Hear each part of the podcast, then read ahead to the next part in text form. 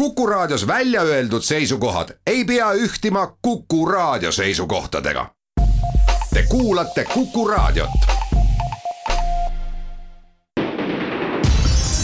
nädala raamat. Rüther Brehman, inimkond, paljutõotav ajalugu kirjastuselt Varrak head kuulajad, Kuku selle nädala raamatuks, mida tutvustada võtan, on Rüüder Bremani kahe tuhande üheksateistkümnendal aastal kirjutatud raamat, mis on kahe tuhande kahekümnendal tõlgitud inglise keelde ja sealt eesti keelde ja selle eestikeelseks nimeks on Inimkond, paljutõotav ajalugu. tõlkinud on selle Tõnis Värnik ja toimetanud Leino Pahtma kirjastuselt Marrak sellel aastal välja antud. see on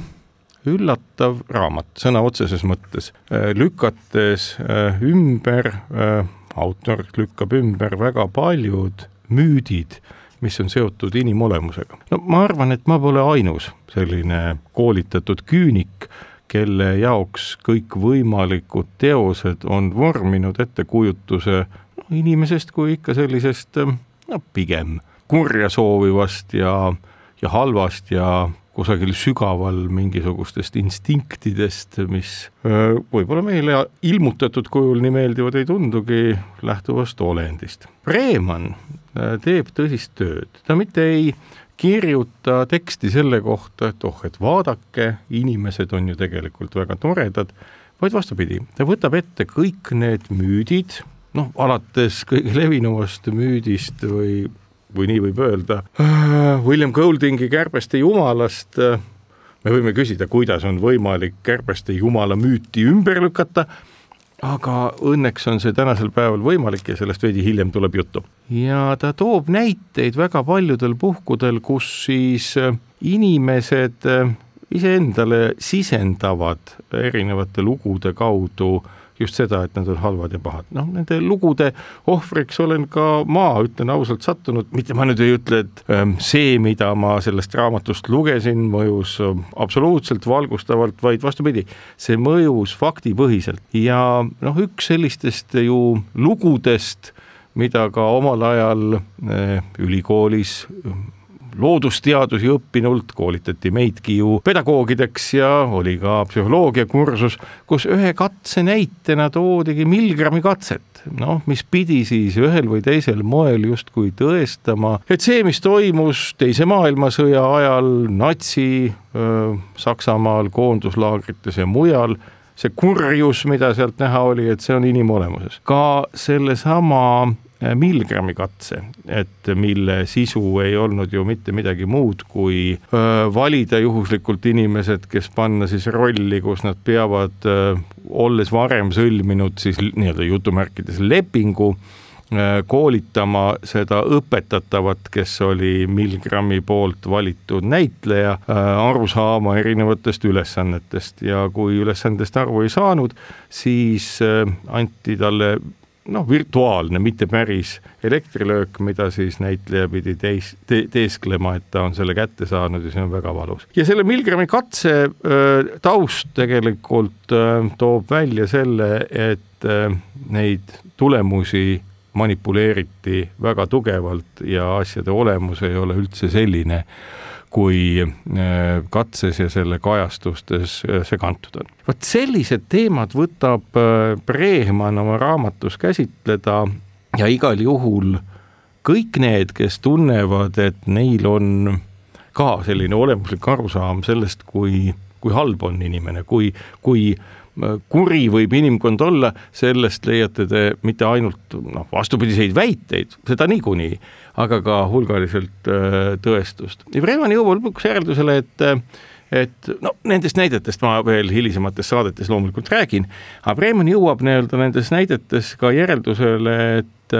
et ka väga väike hulk mõistlikkust ning koostööd võib ühtki ühiskonda viia palju paremasse seisu ja tuleb välja, et ajaloos ongi ta seda teinud. ja meil ongi nagu olukord selline, et ühtepidi on küll tsivilisatsiooni selline eh, noh, kuidas ma ütlen, kultuurikiht ülimalt õhuke ja väga, väga oluline meie jaoks. Ja kogu aeg on nii-öelda piltlikult öeldes koputab ukse taga või ootab seal Marxi seesama Goldingi kärbeste jumal nagu paljud muudki müüdid selle kohta, kui halb on inimene ja millisesse pattu ta on langenud, viimane müütidest pärineb arusaadavalt loomismüüdiga seotud Uuest ja Vanast Testamendist, kus ka inimene on ju loomult halb, juba sünnihetk teeb ta halvaks ja ka Breeman näitab seda, kuidas nende nagu tsivilisatsiooni korraldavate müütide tulemusena sisestades ja sisendades, sisestades tsivilisatsiooni kui kultuurimehhanismi ja sisendades endile tõepoolest, kui halvad me oleme, me natukene nagu muutumegi selliseks. no me meenutame siin kasvõi nii-öelda igapäevasemat asja, seesama pandeemiagi, mis praegu käimas. Et selles kontekstis oli ju ka, kui ehk meenutate eelmise kahe tuhande kahekümnenda aasta kevadet, kui hakkas peale juba see probleemide ring, et äkki poes ei ole kõike ja kokku ostiti tualettpaberit ja kes teab veel mida, siis oli väga palju neid, kes kirjeldasid sellist apokalüpsist, mis kohe-kohe võib käivituda, kui üks või teine asi ei toimi. paraku see nii ei läinud, inimesed on käitunud üllatavalt mõistlikult või õigemini harjumuspäraselt mõistlikult, nii nagu inimesed on käitunud kogu tsivilisatsiooni käigus. Ja neid näiteid toob Breeman äh, sadadel lehekülgedel küll ja veel, mille lugemine on täiesti, täiesti äh, väärt asi ta toob ka näite sellest, kuidas äh, teatud mõttes selline, selline äh, filosoofia või filosoofilised suundumused, mis maailmas olnud on aegade jooksul, on kajastanud seda kahte inimpoolust, millest õnneks kogu aeg see arukam ja inimest usaldavam on võitnud. seitsmeteistkümnenda sajandi filosoof Thomas Hobbes oma raamatus Leviaatan kirjeldab sellist noh, nii-öelda olukorda, et kui suured ja kurjad inimesed olid möödanikus, et algsetes tsivilisatsioonides äh, elati väga koletut ja kurja elu äh,, oldi vaenulikud üksteise suhtes ja tänu sellele, et inimesed mõtlesid välja võimuhierarhia äh,, ongi meie elu läinud natukene paremaks no paraku tekib olukord, kus äh, ükski arheoloogiline tänasel päeval teadaolev äh, andmestik ei saa kinnitada väga selgelt seda Hopesi arusaama, et äh, maailmas elati iidsel ajal väga kurja ja halba elu ja oldi väga vaenulikud ja alles selline äh, valgustatud valitsejatel põhinev hierarhiline struktuur, kord, moraal ja kõik see muutis inimese paremaks. temale sekundeerib loomulikult oluliselt hiljem elanud Rousseau, eh, kelle meelest asjad ei ole niimoodi ja ta on väga seda meelt, et eh, just inimene eh, elas muistsel ajal oluliselt õnnelikumalt ja paljuski on tsivilisatsioon ise, selline kultuur paljude hädade alus sealt jookseb ka selline meil tänase päevani nähtav selline poliitiline veelahe, sellepärast et Rousseau arusaamises on ka eraomandi teke mõnes mõttes ju kurjast, kuna tekitab piiri, tekitab konfliktid ja äh, lääne filosoofias tänase päevani on selline äh, Rousseau ja Hobbesi telje nagu, nagu opositsioon jätkuvalt üleval ja hoiab üleval kõikvõimalikke Äh, vaidlusi. Hopesi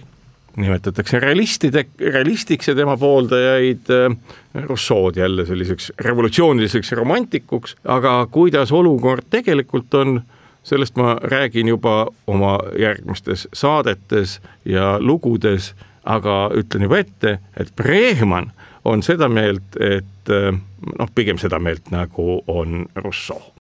siinkohal jätkame kuulajatele Hollandi noorema põlve ajaloolase kaheksakümne kahe, tuhande üheksasaja kaheksakümne kaheksandal aastal sündinud Ruther Bremani raamatu Inimkond paljutõotav ajalugu tutvustamist. jõudsime sinnamaani, et äh, Bremangi räägib sellisest äh, Rousseau ja Hõpsi äh, konfliktist filosoofias ja maailmakäsitluses ja tõepoolest näibki nii, et kui seda võrrelda sellise poksimatšina, siis hops kui realistiks peetav on aegade jooksul aina rohkem ja rohkem selles poksimatšis võite võtnud erinevates ringides. ja küsimus, mille püstitab ka Breeman ja vastab ka sellele arusaadavalt tõestusmaterjali kaudu väga veenvalt, on see, et kas äh, tsivilisatsioon takistab meid muutumast ebainimlikuks või nii nagu ütleb meile näiteks seesama Hobbes ja paljud teisedki, või hoopis takistab tsivilisatsioon kõikide oma atribuutidega muutumas meid paremaks inimeseks. ja vot nüüd Breeman ongi seda meelt, et äh, pigem seda viimast. ehk et tsivilisatsiooni paljud aspektid, paljud lood on just nimelt äh, sellised, mis viitavad hoopis vastupidisele järeldusele. võtame sellesama eelmises korras räägitud Kärbeste jumala, mis ilmselt on kõikide äh, lääne koolide või väga paljude ka Eestis äh, ilmselt kohustuslikuks kirjanduseks ja kui meenutada teile seda igivana lugu viiekümnendatest aastatest pärit, siis see lugu on ju sellest, kuidas ühtäkki satuvad üksikule saarele koolipoisid lennuõnnetuse tulemusena ja siis seal tekib nii-öelda spontaanselt täiesti kummaline kultuur, selline väga tugev hierarhia, ülimalt vaenulikud suhted ja noh, niisugune korraliku õudusloo aspektidega. seda räägitakse noores eas lastele, koolinoortele, seda on räägitud ka Breemanile ja tema on öelnud, et ähm, ta on sellesse kahtuvalt suhtunud juba algusest peale. ja see, arusaadavalt sellised õpikud, sellised kohustuslikud kirjandusteosed, nad vermivad ju inimest, noh, et inimene on vermitav ja vermibki kultuur ja koolitus ja nüüd, äh, mis on seal raamatus vapustavat, mida kindlasti tasub teil üles otsida ja noh, siin ma saan rääkida sellest vaid põgusalt, lugu siis sellest, kuidas Kärbeste jumal päriselt on ka aset leidnud. ja jutt on siis tuhande üheksasaja kuuekümne viiendast aastast ja siis leidis ka aset päris kärbeste jumal, mida Breeman detailides kirjeldab koos kõikide seostega ja need on faktipõhised. tuhande üheksasaja kuuekümne viiendal aastal juhtus nii, et Anglikaani koolist Tonga saarelt, see oli siis internaatkool, põgenesid noh, oma vabadushimus või seiklushimus kuus no kooli, koolipoissi, nii-öelda laenasid paadi jutumärkides mõistagi, jäid tormi kätte triivisid umbes kaheksa päeva ja jõpu, lõpuks nad jõudsidki siis päriselt asustamata saarele ja sellel nad viibisid ühtekokku viisteist kuud. Nad päästeti sealt äh, laevakapten Peter Warneri poolt äh, ja siin nüüd tekibki küsimus, et kas ikkagi päästeti Neil oli selle viieteistkümne kuu jooksul tekkinud täiesti omaette tsivilisatsioon. üldsegi mitte selline, nagu kirjeldab Golding oma Kärbeste jumalast, vaid hoopis täiesti teistsugune. üks nendest poistest on jätkuvalt sõber selle kapteniga ja täna on siis see, et meil on põhjust ilmselt oodata siis režissöörilt, kes on vändanud ka filmi kaksteist aastat orjana, nende päris Kärbeste jumala, jutumärkides muidugi ähm,, sündmuste äh, ahela nii-öelda elustamist filmi, filmina ja hoopis teistsugune lugu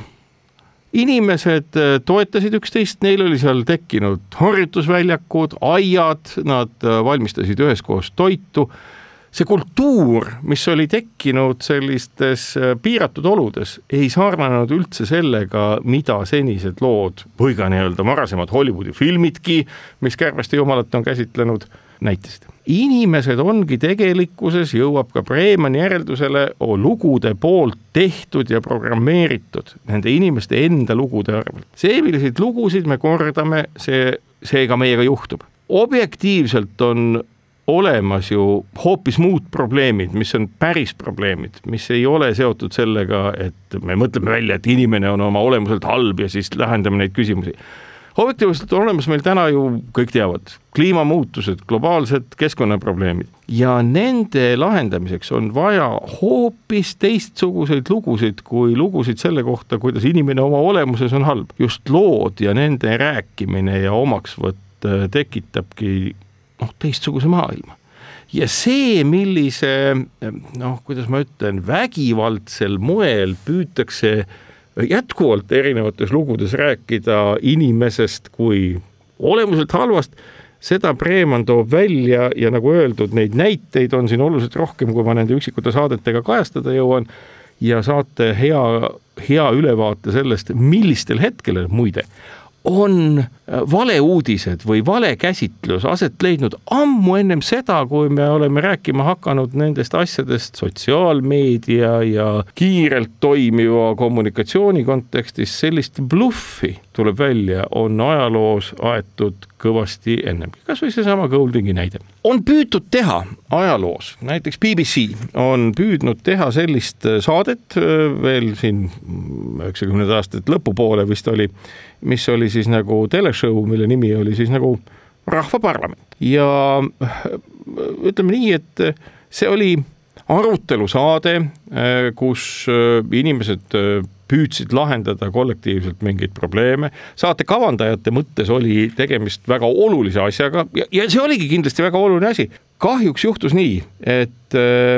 et kuna inimesed selle arutelu käigus mitte nagu oletada võib, ei jõudnud mitte konfliktideni, vaid vastupidi, nad reaalselt jõudsid kompromissideni, nad lahendasid mingisuguseid küsimusi, mis oli siis selle rahvaparlamendi ette pannud, pandud ja tegelikult see saade lõppes ja lõppes ühel lihtsal põhjusel, nimelt selle saate reitingud ehk vaadata arukat arutelu ei tundunud üldsegi, üldsegi mõistlik ja selle tõttu ka see saade lõppes. alati peab olema just nagu mingisugune väga tugev konflikt selleks, et selleks, et mingi asi ennast müüks. kindlasti olete te kuulnud ja selles raamatus kirjeldatakse ka väga detailselt ühte teist katset, see oli siis Stanfordi ülikoolis läbi viidud nõndanimetatud vangide katse, kus kakskümmend neli üliõpilast olid nii-öelda petuvanglas. lugu, mida te kõik teate või olete kuulnud, on see, et pooled neist olid valvurid ja pooled, pooled siis äh, vangid me oleme kuulnud ja näinud kõikvõimalikke filme sellest, kuidas sellises situatsioonis valvuriks pandud inimesed ühtäkki muutusid ülimalt vaenulikeks, ülimalt agressiivseteks ja konfliktseteks ja nende jälle inimlik loomus, nagu tavatsetakse öelda, tuli ühtäkki välja. see, kuidas aga asjad tegelikult olid, räägin juba oma järgmises loos jätkan siinkohal Ruder Preemani Inimkond paljutoetav ajalugu raamatu tutvustamist ja eelmise jutu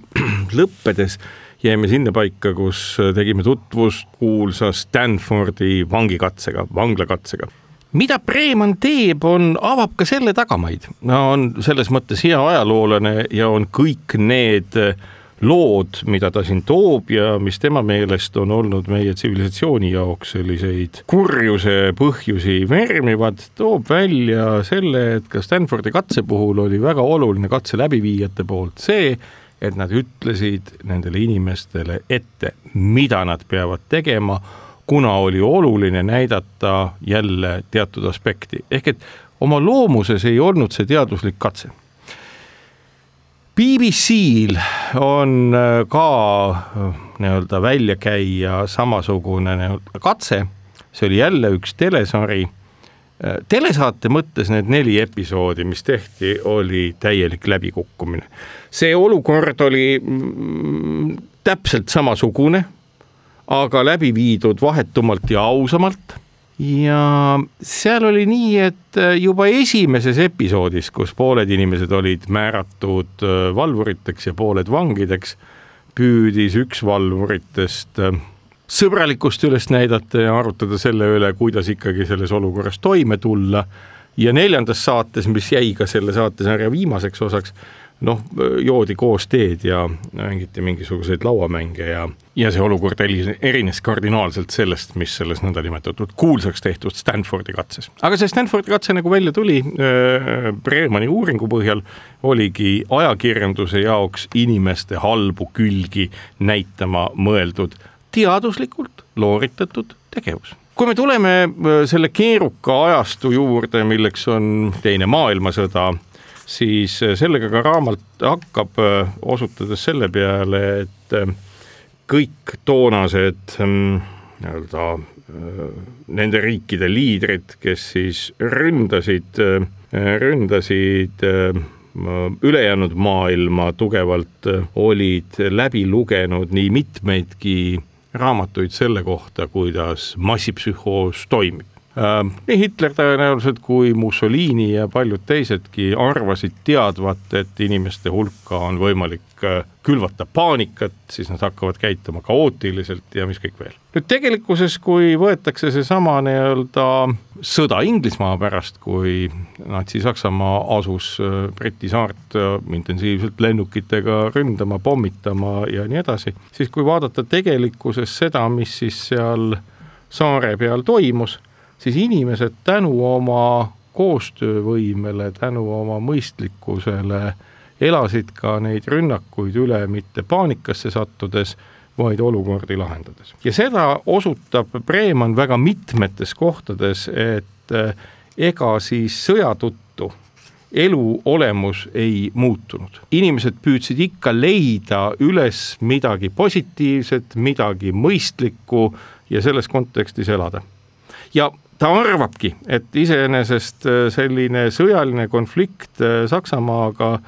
lahenes või saadi jõudu just nimelt selle tõttu, et eelarvamustel põhinev ettekujutus, millisel moel moraali on võimalik äh, alla viia ja kaitsetahet hävitada, et see ei vastanud üldse tõele. nagu te teate ju, Saksamaal oli olemas isegi sellised nii-öelda äh, Äh, pikeeruvad pommitajad, mille külge olid pandud väikesed sellised äh, tiivikud, mis äh, allapoole sööstes sireenidena tekitasid tohutut müra ja loodeti, et ka selline sõjatehnika siis ähm, tekitab nagu paanikat ja hirmu. reaktsioonid olid hoopis vastupidised, inimesed koondusid, organiseerusid ja Bremen toob huvitava võrdluse see on evolutsiooniline võrdlus ja ta arvab ka muuhulgas seda, mis on päris põnev käsitlus, et ähm, kui me võrdleme muistsel ajal äh, nii-öelda elanud inimesi, ühed neist, eks ole, homo sapiensid ja teised Neandri orust leitud luustike põhjal oletatavad siis Neandertali inimesed, siis äh, ega homo sapiensi aju on väiksem Neandertali inimese oma oluliselt suurem ja ta oletab seda, et äh, see võrdlus on päris vahva, ta ütleb, et noh, et need on nagu, nagu, nagu MacBook Pro ehk siis suureajuline neandertaallane ja MacBook Air, millel ei ole küll nii palju arvutusvõimsust, aga mis on võrgustunud. ja noh, ka MacBook Pro on loomulikult võrgustunud, see on lihtsalt äh, Bremani hea võrdlus. ta ütlebki, et ega asjaolu, et sõbralikkus tekitab ja selline koostöövõrgustik tekitab tegelikult tsivilisatsiooni, on suurema tähendusega kui ettekujutus, et mingi kuri geenius saab tohutult evolutsioonilist eeldust. ja see vist ongi tänasel päeval juhtunud, sellepärast et võrgustuv homo sapiens, vaatamata sellele, et väga paljud homo sapiensid või osa neist arvavad, et nad on väga kurjad, on tegelikult väga lühikese ajaga katnud kogu planeedi, nad toimetavad siin omasoodu ja rõhutavad millegi tõttu, mis ongi Bremani kriitika ja tema raamatu poolt pakutava tõestuse peamine nagu sisu, rõhutavad seda ka vallutamismeelne ja mis iganes nad tegelikult on, oma olemuses inimene näib olevat siiski hea ja asjaolu, et seda headust ei rõhutata, seda koostöömudelit ei rõhutata, tekitabki olukorra, kus äh, oludes, kus see vaid võimalik on, selline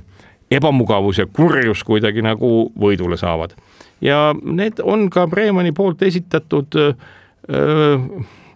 argumendid, kui ta püüab vastata siis ühes peatükis raamatu kolmandas osas Ehm, vastu küsimusele, et miks head inimesed siis halvaks muutuvad. ja need vastused on väga veenvad ja, ja selles osas nii-öelda evolutsioonilise tegurina headuse, empaatia, koostöövõime ja koostöös tegutsemise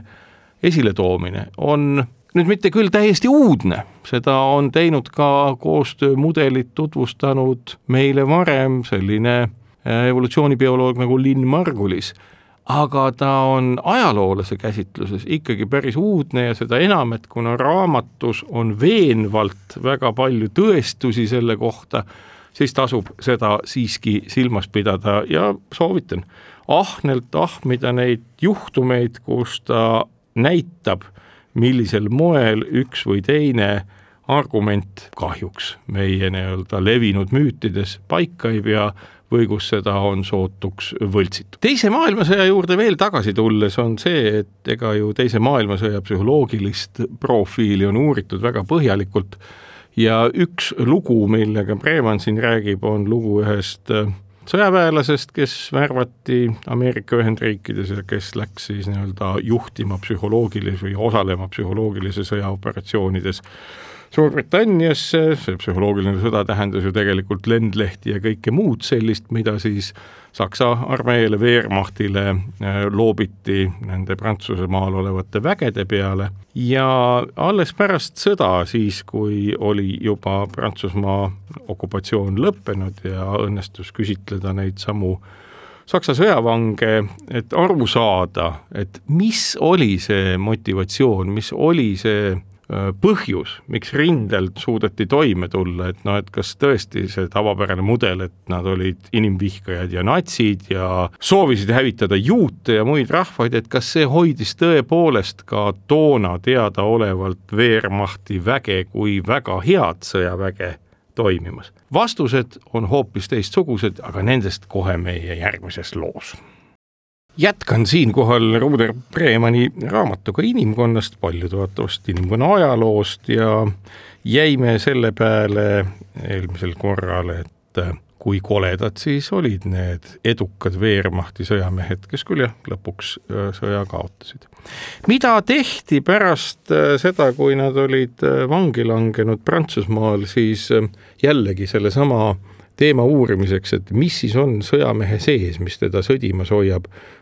kui palju seal on viha ja mis seal veel on. uuriti neid, kuulates neid siis salaja pealt, mida vangid omavahel räägivad. ja see, mis välja tuli, ei olnud üldse see, mida oodata võis. Nad ei rääkinud sellest, kuidas nad kõik üheskoos teisi rahvaid vihkasid ja tahtsid neid hävitada, vaid see, mis hoidis äh, sõjamehi rindel toimimas, oli ikkagi vendlus autunne ja muud sellised asjad, mis tulid välja nende vahetutest jutuajamistest. sõda, nagu välja tuleb, jälle andmete põhjal, ei olegi sageli nii julm, no loomulikult ta on julm, aga ma püüangi nüüd öelda, et mida ka, mida ka Breeman osutab, on see, et kuigi relvadel on täägid, kuigi on võimalik vahetu võitlus elu ja surma nimel, siis see, kui vähe protsendiringis, kes on oma elu kaotanud tõepoolest lähivõitluses, kõikides sõdades, ähm, et see protsent näitab seda, et inimesel on raske teist inimest tappa ja see on üks kinnitusi selle kohta, mis on meie tegelik olemus. raamatus kirjeldatakse ka ühte juhtumit, kus liitlasvägede sõdur teises maailmasõjas näeb äh, püksid rebadel, äh, neid kätega üleval hoides jooksvat äh, saksa sõdurit kaeviku serval. põhjuseks ilmselt siis mingi terviserike või muu selline ja ta lihtsalt ei tapa teda, sellepärast et see ei ole olukord, kus seda tegema peaks. ehk loomult on inimene oma evolutsioonilises arengus, noh, elu üldse on evolutsioneerunud ju meeletult pikka aega, neli miljardit aastat umbkaudu. ja kui me püüame võrrelda seda nelja miljardit aastat, et mida see tähendab inimese evolutsiooni mõttes, siis ütleme, esimene elu maal on esimesel jaanuaril, mis iganes aasta see on. ja tänane päev oleks siis kolmekümne esimese detsembri täpselt keskööl. ja siis on niisugune lugu, et ega kogu selline mehhanismide hulk, mis elu koos hoiab, seesama arengu või evolutsioonibioloog Linn Margulise tähelepanek, et koostöös on evolutsioonimudel, tema nimelt näitas seda, et mitokonder kui raku osa, mis aitab rakul hingata paremini ja toime tulla paremini, on inkorporeeritud, sisestatud nagu rakku bakteri näol ja jäänud sinna see on nagu koostöö näide ja niimoodi on tegelikult evolutsioon mitte pelgalt konkurentsis, vaid koostöös loonud vorme, mis on elujõulised. ja kui seda kalendrit nüüd vaadata, siis kahekümne viies detsember on see kuupäev, kui dinosaurused välja surevad maal. kell kakskümmend kolm null null, kolmekümne esimesel detsembril ilmuvad maale esimesed inimesed. Kell kakskümmend kolm viiskümmend kaheksa jäävad inimesed paikseks ja asuvad pidama põldu. ehk et äh, see olukord, kus inimene paljude teiste inimeselaadsete hominiidide hulgast homo sapiens ellu jääb, et sellel ei ole küsimus selles, et me oleksime olnud kõige agressiivsemad või midagi sellist. seal on ikkagi valmidus koostööks ja nii ka Breeman räägib sellest, kuidas inimene on kõige esimesena mitte kodustanud kassi või koera, vaid iseenese, püüdes luua suhteid ja olusid, kus ollakse võimalikult sõbralikud ja empaatilised. see on päris uus aspekt. ta toob näitena selle, kuidas Siberis üks bioloog, olles küll siis varasemal ajal, kui ta nende töödega viiekümnendatel, kuuekümnendatel alustas, põlu all ja pidi seda tegema salaja, asus kodustama rebast ja rebast just nimelt sellisel moel, nagu ta arvas, et oli kunagi kodustatud koergi ja ta saavutas siis olukorra, kus tekkisidki nii-öelda rebased, kes olid inimesega läbisaavamad ja toimetulevamad. kusjuures neid valikuid, nii nagu pärast teada on saadud, tehti mille alusel? selle alusel, kas rebase reaktsioon oli sõbralik või mitte. ja tulemuseks oli see, et tegelikult tekkis selline ühistegeline ja väga sõbralike olendite äh, populatsioon, nii-öelda kodustatud rebane, mis näitas seda, et iseenesest selline valik, mis toimub sõbralikkuse ja koostöö pinnal, tekitab hoopis teistsuguse olukorra. ja tegelikult midagi sellist, mida me näeme ka inimkonna puhul. ehk et Bremani väide väga noh, ütleme selgelt välja toodud just tõenduste abil, ongi see, et inimese jaoks on äh, see tsivilisatsiooni olemus ikkagi ennekõike ja inimese jaoks on evolutsiooni olemus see, millisel moel vastastikuselt suudetakse toime tulla, kuidas ise organiseerunult käituda, kuidas võrgustuda ja kuidas sellises võrgustunud olekus lahendada probleeme. see on hoopis midagi muud reaalselt on see hoopis midagi muud kui kõik need õpetused, millises kontekstis on püütud eksponeerida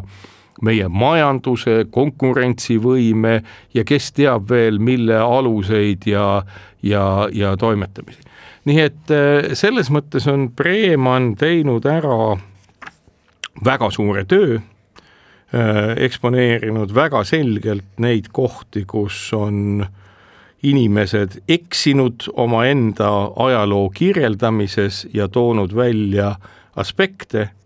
küll tuginedes näiteks katsetele ja tõesti sündinud asjadele, väidetavalt tõesti sündinud asjadele, mis üldse nii ei ole olnud, nagu äh, seda on harjutud tõeks pidama. sellised müüdid, kuidas inimene tegelikult toimib, jutumärkides tegelikult siis, on väga lihtsalt tekkima, näiteks kuuekümne neljandal aastal, tuhande üheksasaja kuuekümne neljandal aastal oli üks juhtum seotud sellise äh, baaridaami nagu Kitty Genovesega, kes töötas New Yorgis ja ta was, äh, ja ta siis oli väga julmal moel mõrvatud ja äh, sellest räägitakse tänase päevani kui Genovese sündroomist, mille sisu olevat see, et mitte keegi, vaatamata sellele, et seda ohtu nähti, ei läinud talle appi ja kõik inimesed hoidsid tast eemale. faktiliselt mitte midagi sellist ei toimunud. Äh, Genovese surm toimus inimeste kätel, talle mindi appi, kutsuti politsei, aga ometi oli oluline vermida ja millegi tõttu äh, vermiti ja noh, lõppkokkuvõttes saadi ka see nii-öelda tapja kätte, ta mõisteti, mõisteti äh, süüdi ja hukati, aga jah, see oli nagu üks näide ja selles mõttes on, on Breemanil neid näiteid hästi palju, kuidas ühtäkki justkui mingisuguse ootuse tõttu, et inimest Äh, kui sellist on vaja näidata kurja ja halvana, seda ka tehakse ja ei ole ju üllatus, et pärast sellist tegu paratamatult äh, see nii-öelda õeluse ja kurjuse lainetus jätkab mõni aeg toimimist, kas pikemat või lühemat aega ja see on ka üks põhjusi, miks ka Vreemani arvates just nimelt nende kurjust vermivate lugude rohkuse tõttu ka muidu mõistlikud inimesed ühtäkki hakkavad veidi veidralt ja kummaliselt käituma, aga sellest me juba räägime järgmises loos. jätkame Ruude Preemani raamatu Inimkond paljutõotav äh, ajalugu lahti seletamist. Preemani raamatu üks suuremaid väärtusi on see, et väga elegantsel ja selgel moel tuuakse inimesteni, kes seda loevad ja vaatavad, sisuliselt äh, arusaam sellest, et äh, inimene on lihtsalt äh, mõjutatav küllaltki lihtsalt mõjutatav ja sisestatav on inimesse erinevad tõekspidamised ja seda ka tehakse väga sageli. kõrvalepõikena olgu öeldud, et äh, äh, majandusteadusis on ju viimasel ajal ja juba pikemat aegagi teemadeks need, et et ähm, mismoodi inimesed tegelikult käituvad ja mismoodi nad käituma peaksid. majandusteadus on olnud aegade jooksul üks omapärasemaid äh, valdkondi selle tõttu, et inimese majanduskäitumist või majanduslikke otsuseid on vast nii üheksateistkümnendast sajandist saadik peetud ülimalt ratsionaalseteks, noh justkui, kui me ajame asju rahaga ja raha suhtes ja rahaga mõõtes, et siis me nagu vigu ei teekski. nüüd hiljaaegu, kui või mis hiljaaegu aastaid tagasi, kui Kahnemanit, kes on siis psühholoog, majandusteadlane ja Nobeli preemia laureaat, küsiti seda, et kas ta oskab nii-öelda väga lühidalt välja öelda seda, et äh, mis on siis tema teadustööde äh, lühidalt öeldes sisu, siis äh, oli see umbes midagi sellist, et aga loomulikult ma olen kindlaks teinud, et inimesed ei tee alati seda, mida nad väidavad, et nad teevad see ei ole nüüd küll päris see, millest Breeman räägib, aga küll tugevalt seotud ja inimesed teevadki seda, mida neile öeldakse. kui inimestele öeldakse, et peab olema sõbralik, siis nad on sõbralikud ja kui öeldakse, et nüüd asi on selline, et tuleks üleval hoida mingisugust äh, segregatsiooni, tüli või konflikti, siis nad ka seda teevad. see ei tähenda seda, et äh, nüüd inimese enda loomus oleks halb, vaid seda, et inimene on väga tugevalt vermitav olend. näiteks Breman kirjutab, kirjeldab katseid, kus, äh, kus äh, oli katset katseid tehtud siis küll nii-öelda tinglikult rottidega, laborirottidega, aga tegelikult tehti katseid üliõpilastega. ja üliõpilastega tehti siis niimoodi, et äh,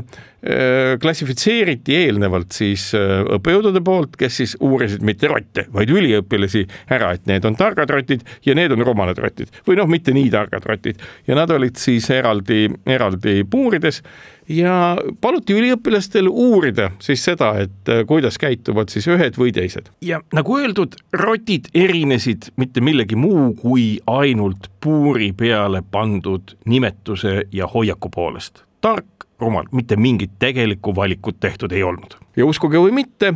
äh, katseisikuteks tegelikult olnud siis üliõpilased hakkasid siis neid, keda oli defineeritud kui tarku